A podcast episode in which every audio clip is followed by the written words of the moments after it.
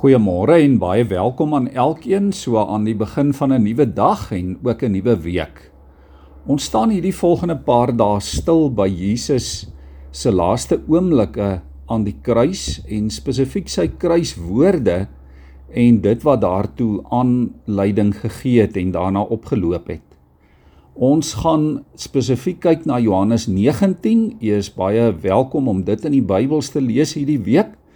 En dan gaan ons ook kyk na die spesifieke uitsprake in Lukas 23 na verskillende verse daar.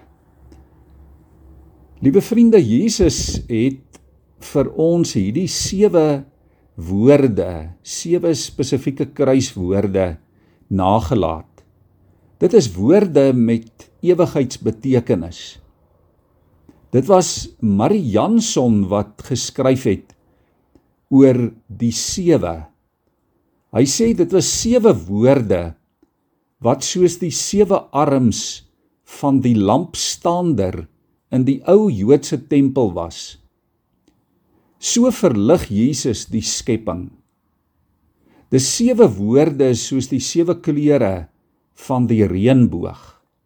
Dis woorde vol belofte. Maar dis ook woorde wat ons nie van mekaar kan losmaak nie. Dis woorde wat verband hou met mekaar.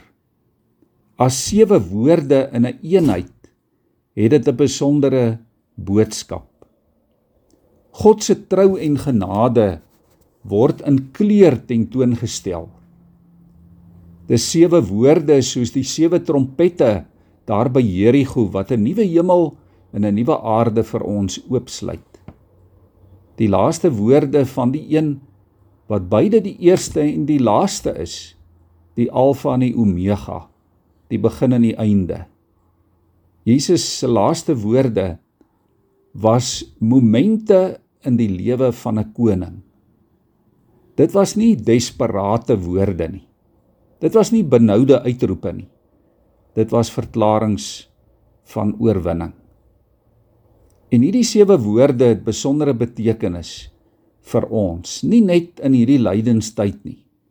Nie net volgende week op Goeie Vrydag nie, maar elke dag vir elke pelgrim, vir elkeen wat op pad is op sy en op haar reis na die ewigheid. Waar ons ver oggend dink oor die eerste kruiswoord. Kyk ons na Lukas 23 vers 24 waar Jesus uitgeroep het: Vader, vergewe hulle want hulle weet nie wat hulle doen nie. Elkeen van ons het behoefte aan vergifnis. Behalwe die behoefte aan liefde, het ons behoefte daaraan dat dat ander ons sal vergewe. Ander het ook behoefte daaraan dat ons hulle sal vergewe. Waarskynlik is dit ons heel grootste behoefte. Dit maak nie saak of jy die soldaat is wat die spies daar in Jesus se sy gesteek het nie. En of jy dalk Petrus is wat vir Jesus verloon het nie. Ons almal worstel met skuld, met skuldgevoelens. Ons het behoefte daaraan om vrygespreek te word. Ons sukkel met onverwerkte gevoelens van van nood, van angs. Op ons sterfbed kla die duiwel ons baie keer aan deur ons verlede voor ons koppe te kom gooi. Daar is valse skuldgevoelens in ons gemoed. Daar is skuldige gewetens waarmee ons stoei. Vergifnis is soos die welriekende geur van 'n viooltjie wat bly vassit aan die haak van die skoen wat dit vertrap het. Ek het al een keer daarna verwys. God se viooltjie Jesus Christus is deur mense vertrap. Maar daardie geur, die aangename wierook wat van die kruis af opgestyg het, sal vir my en vir jou lewenslank volg. Dit sal ons hele lewe elke dag by ons bly. Vader, vergewe hulle. Vergifnis is God wat ons nie wil en nooit ooit sal los nie selfs na alles wat jy en ek gedoen het. Vergifnis maak ons vry. Nee. Hoor dit vanmôre. Jesus maak jou vry.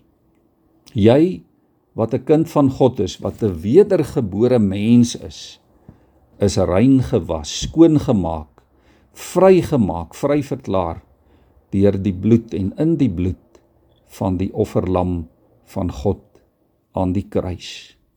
Onthou dit hierdie week, onthou dit in hierdie lydenstyd in aanloop tot goeie Vrydag. Mag dit vir jou 'n tyd van oorvloed, 'n tyd van seën, 'n tyd van herinnering, 'n tyd van herlewing, van vernuwing, van nuwe lewe word en wees. Kom ons bid saam. Here, dankie dat ons ver oggend as vergeefdes ons hoofde voor U kan buig. Dankie dat ons kan bid juis omdat ons deur U vergewe is. Omdat ons vry verklaar en vrygespreek is. Dankie dat U ons kom red het, Here, sodat ons vry kan wees.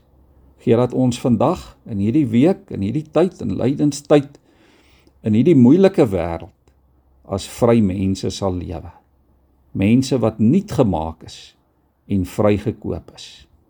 Gee dat ons dit in alles sal onthou in elke verhouding, in elke optrede, in elke gedagte, elke woord wat ons sê, alles wat ons bedink en wat ons doen dat ons sal onthou ons is vry om U te dien in Jesus naam. Amen.